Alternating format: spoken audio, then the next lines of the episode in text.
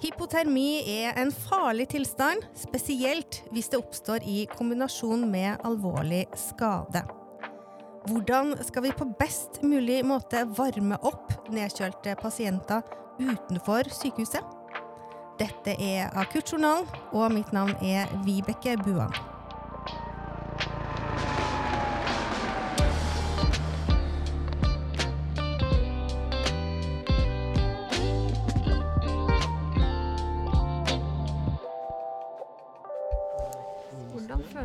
Termisk din kropp? Minus to. Dine føtter? Mm, Minus tre. Så vi merker at eh, kroppen begynner å fokusere litt fra beina, blant annet. Ja. Ja, det, det gjør min kropp som regel til vanlig. Hvordan det føles ellers, da? Mm. Er det, går det greit, liksom?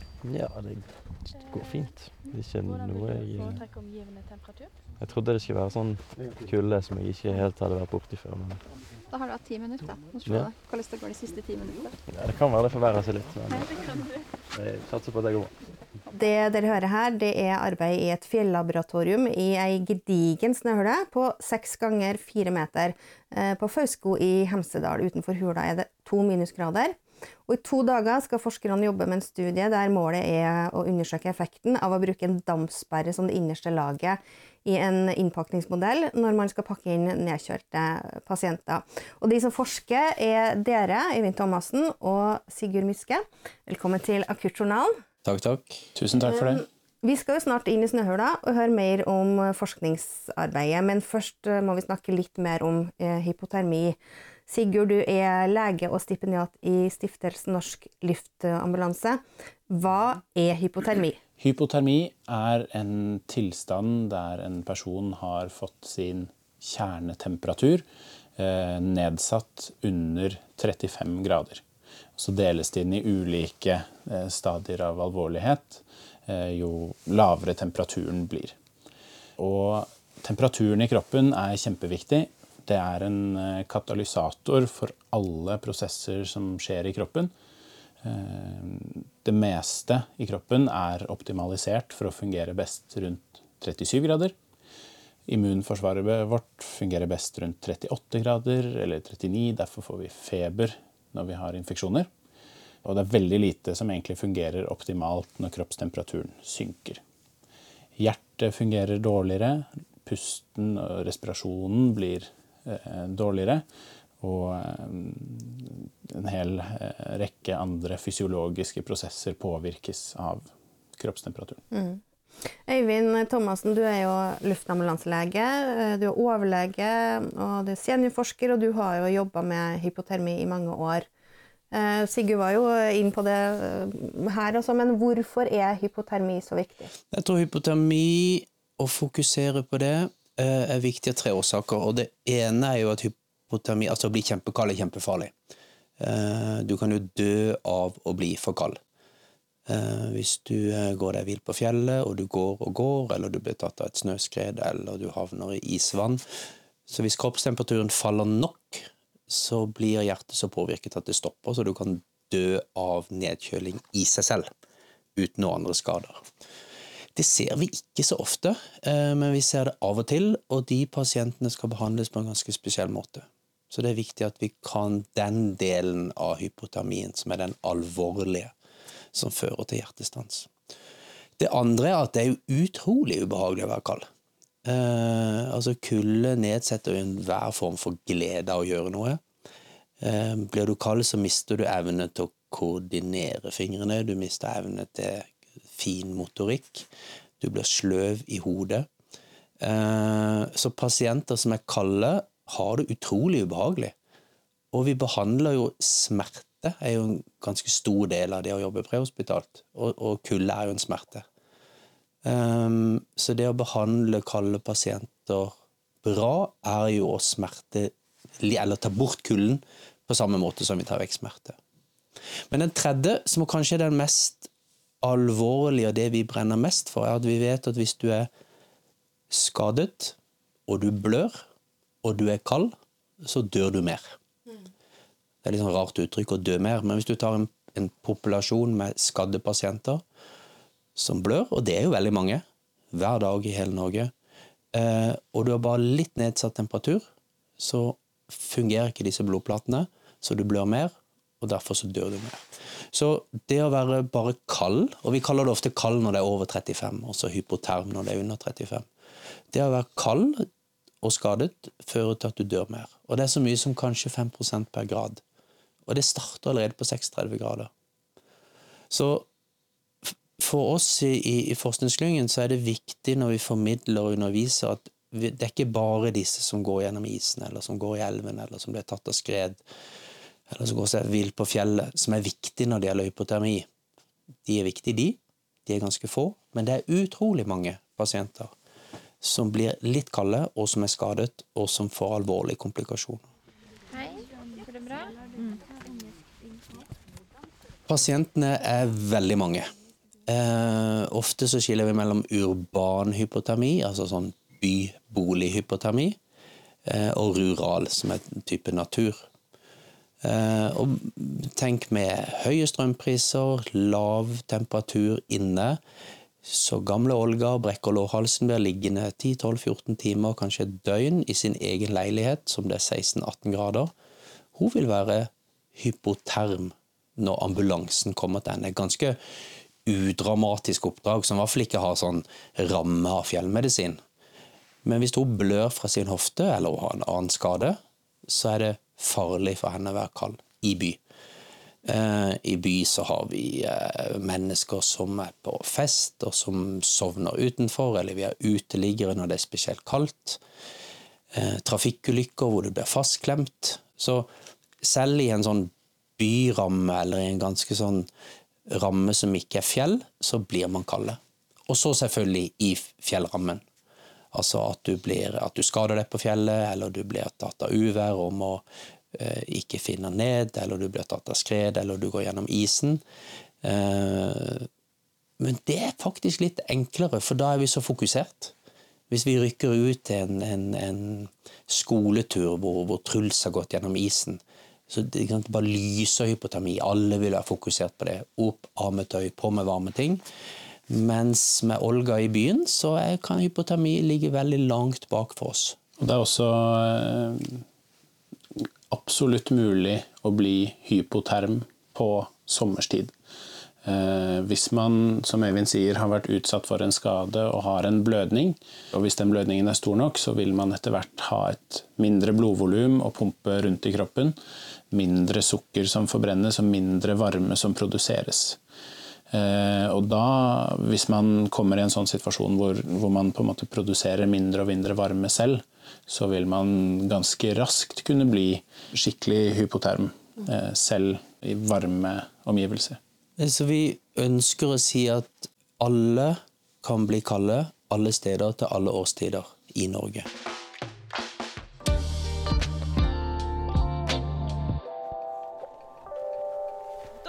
Forsøkspersonene legge seg ned. Prøve å treffe midt på midten. For de som har dampsperre, så kan dere begynne å pakke inn nå. For de som ikke, så bare la dere være. Sigurd, du tar jo doktorgraden din da, på, på forskning på hypotermi, og den studien som dere har jobba med her i dag, det er den første i ditt doktorgradsarbeid. Eh, eh, hva er det dere forsker på i denne studien? Hva er det dere ønsker å finne ut? Vi snakket jo eh, tidligere om dette konseptet med en dampsperre som et sånn innerste lag. Eh, Det er eh, et prinsipp som eh, man på en måte bare går ut ifra at fungerer. Eh, Men det er ikke gjort noe forskning på egentlig om det fungerer, om det har noe effekt. Og heller ikke noe, og i hvert fall ikke noe forskning på hvor god den effekten eventuelt er. Og Det er jo en sånn, eh, et sånt prinsipp i medisinen at vi skal drive evidensbasert behandling, og at vi skal vite at det vi gjør for pasientene har en effekt. Eh, Så det er liksom målet med dette forskningsprosjektet her. Det er å eh, evaluere effekten av å bruke en sånn eh, dampsperre i, integrert i en sånn innpakkingsmodell som vi snakket om i stad. noe av det som gjør denne gruppen synes jeg ganske bra, det er at vi har rekruttert mennesker med nokså ulik kompetanse. Altså Vi har eh, en fra Sintef som er utrolig flink fysiolog. Så, altså, som har en forståelse for det å forske på nedkjøling fra en fysiologisk synspunkt, og som er veldig flink metodisk. Vi har en statistiker som er med ute i hulen, som er med designe studiet allerede helt fra start. Eh, vi er selvfølgelig en del anestesiologer. Eh, og teamet rundt, som består mye av frivillige og ambulansepersonell og medisinerstudenter.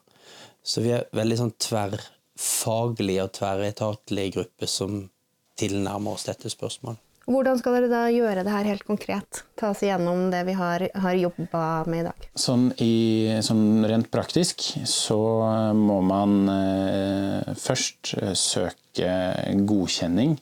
Eh, som sagt eh, få en klarering av det som heter regional etisk komité. At de eh, gjør en vurdering at det vi har tenkt til å eh, utsette de forsøkspersonene for, er trygt. Eh, og så må man rekruttere forsøkspersoner. Vi har rekruttert 16 frivillige forsøkspersoner som da reiser hit til Hemsedal. Og som frivillig kler på seg våte klær. Får påmontert hudtemperatursensorer. Svelger en pille som måler kjernetemperatur. Og legger seg da i en snøhule. Først en halvtime bare på et liggeunderlag for å senke hudtemperaturen. Og deretter eh, innpakket i en sånn eh, oppvarmingsmodell i en time. Eh, for å se vi, hvor mye vi klarer å øke eh, hudtemperaturen igjen. Da avsluttes det nå. 1529. Da skriver dere ned 1529. Og så tar dere siste spørrerunde. Og hvordan er det med nakken? To. Ja. Da lurer jeg på Skjelver eller svetter du? Null. Null, ja. Hvordan føles din hud? To. To. Yes. Hvordan vil du foretrekke omgivende temperatur? Nøytral. Eh, null. Null, ja. Det er siste spørsmål. Hvordan føler du deg termisk tilpass? Én. Én. Yes. Skal vi begynne å pakke opp, da? Ja. Da tar jeg det jervenduken først, og så skal jeg prøve å få deg ut lag for lag. Vi har designet dette som en eh, crossover, randomisert blindet studie. Crossover betyr at eh, alle forsøkspersonene skal eh, gjennomføre eksperimentet to ganger og dermed være sin egen kontroll. Eh, den ene gangen blir de da pakket inn med dampsperre, og den andre gangen blir de pakket inn uten dampsperre. Dette er for å eh, korrigere for eventuelle forskjeller mellom de ulike forsøkspersonene. I tillegg så er det en sånn randomisering og en blinding involvert, som betyr at det blir trukket på forhånd om de skal ligge med dampsperre først og så uten etterpå, eller motsatt. Eh, og så blinder vi så langt det lar seg gjøre for forsøkspersonene om de blir pakket inn med eller uten dampsperre, men det er vanskelig å få det helt 100 eh, blindet. Men det er blindet for de som skal bearbeide dataene eh, helt til det er ferdig. Og, denne dampsperra altså, den, den brukes i dag i håndtering av nedkjølte pasienter. Det står i retningslinjer, som du sa tidligere her. Eh, og det er anbefalt. Men hvorfor er det anbefalt hvis man ikke egentlig vet hvor stor effekt den har? Nei, Som vi snakket om i stad, så er det ganske mye vi driver med i den akuttmedisinske verden som er litt sånn anekdotisk, og eh, som, vi, som vi tror at fungerer, men som er vanskelig å forske på. Vi vet at en sånn dampsperre vil stoppe fordampningsvarmetapet, og da har man bare gått ut ifra at det er gunstig. Men det er ingen som vet hvor mye effekt det har, f.eks. Og det er jo ikke unikt i det hele tatt. Altså, veldig mye av det å behandle pasienter, spesielt prehospitalt, det er så unike pasienttilfeller hver gang. du er i en fjellvegg eller under snøen, eller du er på fjellet eller gått deg vill, eller du er gravid eller gammel eller ung, eller du har brukket bein og ikke brukket bein, eller Det er nesten umulig å lage studier som fyller et kvalitetsnivå som vi kan si at forskning viser at vi skal gjøre sånn. Det er bygd på massiv erfaring, det er bygd på konsensus, det er bygd på gode protokoller. Og så tenker jeg at vår oppgave er å bidra med forskning så mye som mulig. Og vi må klare å lage forskningsspørsmål og designe en, en, metode som gjør at vi kan si at forskningen hjelper oss i å gjøre disse avgjørelsene på hvordan vi skal behandle pasienten. Inngangen til disse prosjektene som vi i Forskningsklyngen har, er jo nettopp da eh, type gode spørsmål fra de operative miljøene, både i den profesjonelle og den frivillige redningstjenesten, som kommer med konkrete spørsmål. F.eks.: Skal vi gjøre sånn eller sånn? så kan vi da, som besitter en viss metodekunnskap, eh, gjøre en vurdering av om det er mulig å gjøre en fornuftig studie på dette eller ikke. Jeg var jo en av de som var eh, forsøkspersoner, såkalte friske, frivillige forsøkspersoner i dag. Så, ja. så jeg har vært da to runder, én med og én uten dampspor. Jeg, jeg vet ikke hva som var hvilken her, da. Eh, hver forsøksperson i dag fikk da utdelt en pille eh, som inneholdt eh, en sensor som skulle svelges, eh, og, og, som da ble brukt til å sende data eh, inn til forskerne underveis. Kan du si litt mer om det? Vi har eh, valgt å eh, ha med en sånn pille, egentlig mest av sikkerhetshensyn. Forsøkspersonene, og det merket vi jo selv, man blir kald av å ligge i en snøhule med våte klær en halvtime, det sier seg selv. Men vi forventer ikke at forsøkspersonene blir hypoterme i løpet av den perioden. Vi hadde ikke som mål å senke kjernetemperaturen deres, men vi har med kjernetemperaturmål som en eh, sikkerhet da, for dere. For å ivareta deres sikkerhet mens dere ligger der. Det var, det var flere ting jeg lå og, og lurte litt på når jeg lå der. da. Ehm, det ene er jo Jeg, jeg merka veldig fort eh, varmetapet eh, fra bakken. Eh, at selv med oppvarming så var jeg på en måte varm den øverste halvdelen av kroppen, men det varmetapet fra bakken, det inntraff fort. Og, det var veldig merkbart. Og hvorfor legger man ikke i den innpakninga et varmeteppe under eh, pasienten også, bare oppå, Sigurd? Det gjør man i eh, praksis. Eh, I forbindelse med dette studiet her så eh, valgte vi å eh, gjøre det sånn, fordi det, det, som er viktig, er at det er likt mellom alle forsøkspersonene. Eh, I en klinisk setting med en ekte pasient så ville man prioritert å ha mer isolasjon ned mot Eh, bakken. Eh, for å nettopp hindre det som du eh, kjente på, som var at det ble veldig kaldt på ryggen.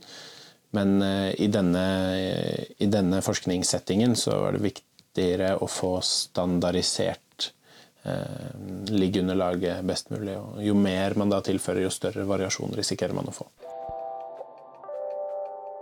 Vi har jo tidligere lært på førstehjelpskurs at man ikke skal varme opp nedkjølte pasienter, men nå har det altså snudd. og Hvorfor det? Ja, Vi vet jo at det er farlig å være kald, sånn som vi har snakket om. Så Derfor eh, tenker jo vi at eh, dersom man eh, skal la være å gjøre noe med det, så bør det være en god grunn til det. Så akkurat den påstanden med at man kan få sirkulasjonskollaps, ventrikkelflimmer, blodtrykksfall eller sånne ting av aktiv varme, det ble vi litt nysgjerrig på. Hvor kommer denne fra? Hva er rasjonal, og hva er evidensen for den påstanden? Så vi gjorde en sånn systematic review litteraturstudie, en omfattende gjennomgang av all vitenskapelig litteratur som er publisert på dette temaet for noen år siden. Og vi fant egentlig ingen gode eksempler på situasjoner hvor noen har prøvd å varme pasienter utenfor sykehus og eh, det har eh, hatt en eller annen negativ fysiologisk eh, konsekvens. Det betyr ikke at vi kan si at det er helt trygt, og det er noen unntak fra regelen, men vi kan i hvert fall si at det er ikke vist at det er farlig å varme opp pasienter som er utilsiktet nedkjølt utenfor sykehus.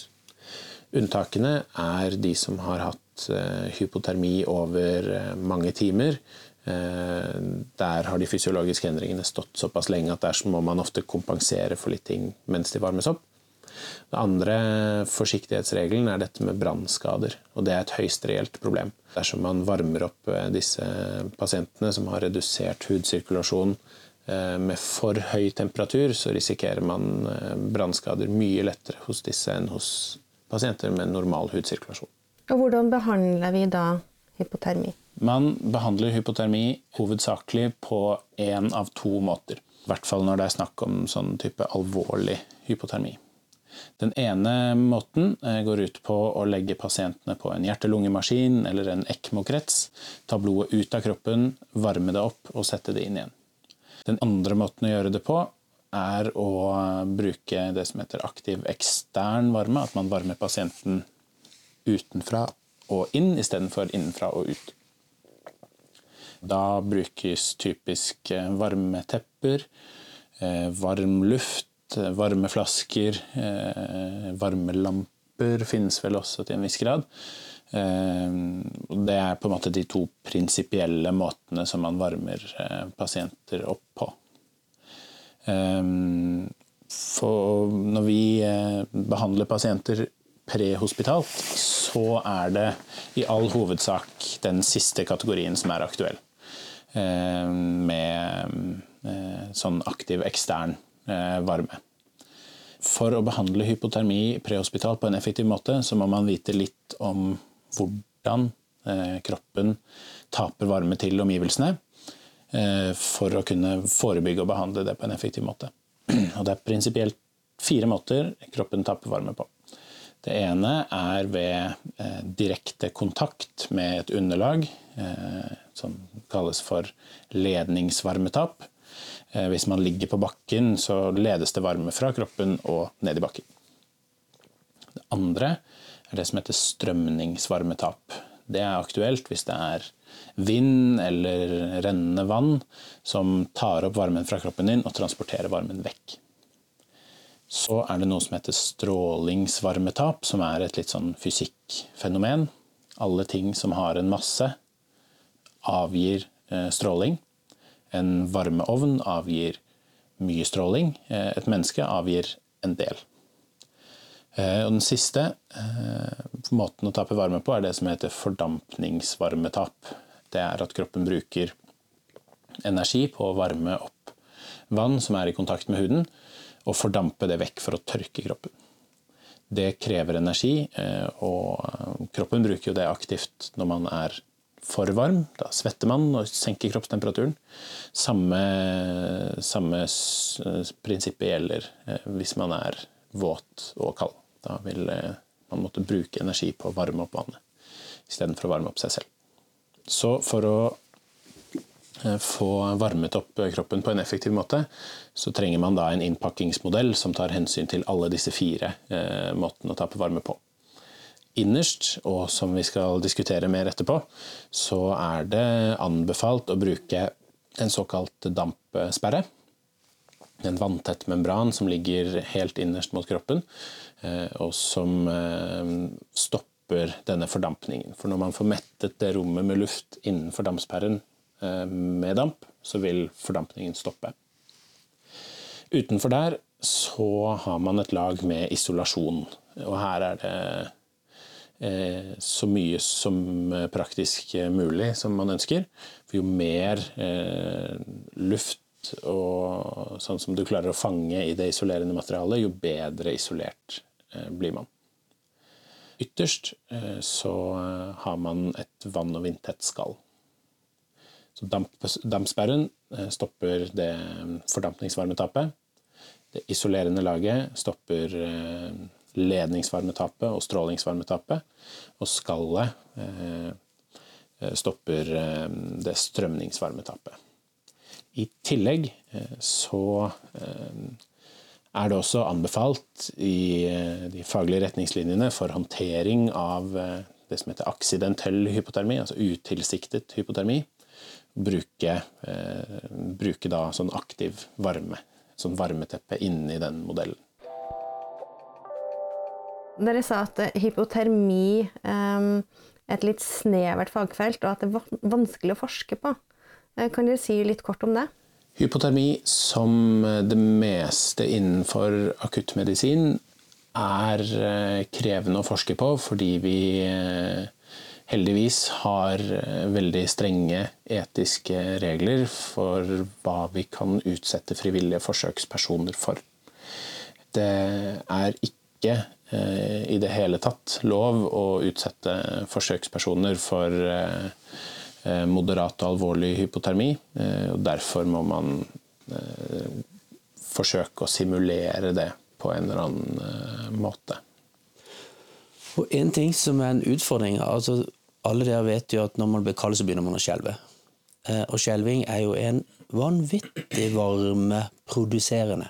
Altså du kan tre-fire-doble varmeproduksjonen i kroppen. Og hvis vi skal gjøre effektforskning, altså vi skal kjøle ned noen, og så skal vi gjøre et tiltak, og så skal vi ikke gjøre tiltak, eller luretiltak, og så skal vi se effekten av tiltaket. Hvis da forsøkspersonene begynner å skjelve, så er skjelvingen så veldig individuell.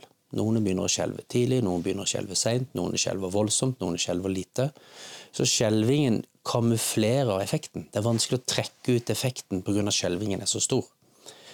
Ehm, så Derfor så kommer vi til å fokusere på en av stipendiatene skal se på Vi må lage en modell hvor vi kan ta vekk skjelvingen. Og Den kan tas vekk ved å måle hvor mye du skjelver, men den kan også tas vekk medikamentelt. Sånn at vi faktisk kjøler ned noen sånn at de ikke skjelver. Så det er metodisk litt krevende område å forske på. Du sier stipendiat i forskningsklyngen. Da snakker vi altså om en annen stipendiat i det som eh, kalles eh, fjellmedisinsk forskningsklynge. Eh, og dette prosjektet til Sigurd som vi har jobba med her i dag, det er jo da en del av, av den forskningsklynga. Eh, hva er egentlig fjellmedisin, Eivind? Fjellmedisin er jo et ord som alle forstår. Fjell og medisin. Så det handler selvfølgelig om å utøve medisin i en fjellramme. Eh, men ikke bare som begrenset til tinder og kulde, men vi kan tenke at det handler om hypotermi, som vi snakker om nå. Det handler om snøskred. Eh, det handler om forfrysning. Og så handler det veldig mye om å utøve vanlig, enkel, skal vi si det, basal førstehjelp, men rammen er litt krevende. Eh, si du får en ankelfraktur eller et stort kuttsår eller bevisstløshet eller alle ting som mange av oss kan håndtere ganske greit, men hvis det da er at hvis det snør, og det er vind, og det er mørkt, og det er langt fra folk, og du har ikke dekning, så vil det å behandle en del tilstander som i seg selv ikke er så krevende, bli kjempekrevende. Og da er det i det fjellmedisinske konseptet er å være rustet for å kunne gjøre det når det er litt røft rundt den. Som også ligger i det fjellmedisinske om området. Også selvfølgelig forebyggende medisin. Eh, At vi ønsker å formidle forskningen vår, formidle kunnskapen vår, sånn at vi kan forhindre at det skjer ulykker i fjell. Øyvind, prosjektet som dere jobber med i dag, eh, det er en del av det som kalles Mountain Lab. Eh, Hva er egentlig Mountain Lab? Ja, Mountain Lab det er et ord. Mountain Lab, altså som er fjellaboratoriet. Og tanken med det var at vi for en god del år siden så satt vi og tenkte på Det er en god del spørsmål, som, altså forskningsspørsmål, så når man skal prøve å løse det, så finner man ut at dette må vi jo gjøre ute. Altså det er ikke løsbart inne i et kuldekammer eller et laboratorium eller med blodprøver, så sånn som vi ofte driver forskning, men det må gjøres ute. Og så ble vi fascinert av hvordan kan vi løse disse spørsmålene. Eh, og så tenkte vi jo, vi skal bli flinke til å drive forskning ute. Og det har jo iboende utfordringer, for ute er det jo kaldt, og ute er det ikke strøm, og ute kan det blåse, og det kan være varierende eh, rammer når vi skal gjøre forskning. Så Mountain Lab er et sted hvor man gjør feltstudier. Og det tillater oss i å gjøre studier som vi ellers ville bare sagt det klarer vi ikke i en lab. Så det må vi bare prøve å løse på andre måter, eller snakke oss frem til. Eh, Så vi vil prøve å løse de spørsmålene som gjør at vi må være ute og forske. Vi må jo også snakke om da, hvem det er som, som eh, utøver og jobber med fjellmedisin. Ja, og det syns jeg er viktig å snakke litt om, fordi at fjellmedisin skiller seg fra mye annen medisin. Fordi at de som til enhver tid går i en uniform, som er på vakt for å utøve fjellmedisin, det er i stor grad frivillige. Altså det er selvfølgelig oss som flyr, det er de som kjører bil, det er de som kjører båt, altså i ambulansetjenesten. Det er de som flyr i redningstjenesten, men så er det ufattelig mange organisasjoner. Det er Redningshundene, det er alpine redningsgrupper, det er Røde Kors, det er Folkehjelpen. Det er utrolig mange organisasjoner som på enhver tid står klar til å rykke ut for å bidra med søk eller redning i vann eller elv eller skog eller fjell. Og når vi forsker på fjellmedisin, så er det så viktig hvis forskningen skal ha en nytte, at vi forsker på spørsmål som gjør at vi kan heve kvaliteten, og dermed eh, senke dødeligheten og senke sykeligheten, som vi sier, for alle som driver med fjellmedisin. Så Derfor har vi et veldig nært kontakt med alle de frivillige. Eh, og det er viktig for oss både på forskningsspørsmålene våre, men ikke minst på at vi skal formidle det vi forsker, til de som utøver. Og Det syns jeg er noe av det gøye og interessante og spennende med fjellmedisin. det er At jeg møter mange ikke-medisinere, mange ikke-helsepersonell, som gjør ganske heftig medisin under ganske heftige forhold. Og Det er sånn den norske redningsmodellen er bygd opp. Og Det er både sånn stolt av og enormt ydmyk av, og da er det liksom min og vår oppgave å formidle mest mulig medisin inn i denne gruppa.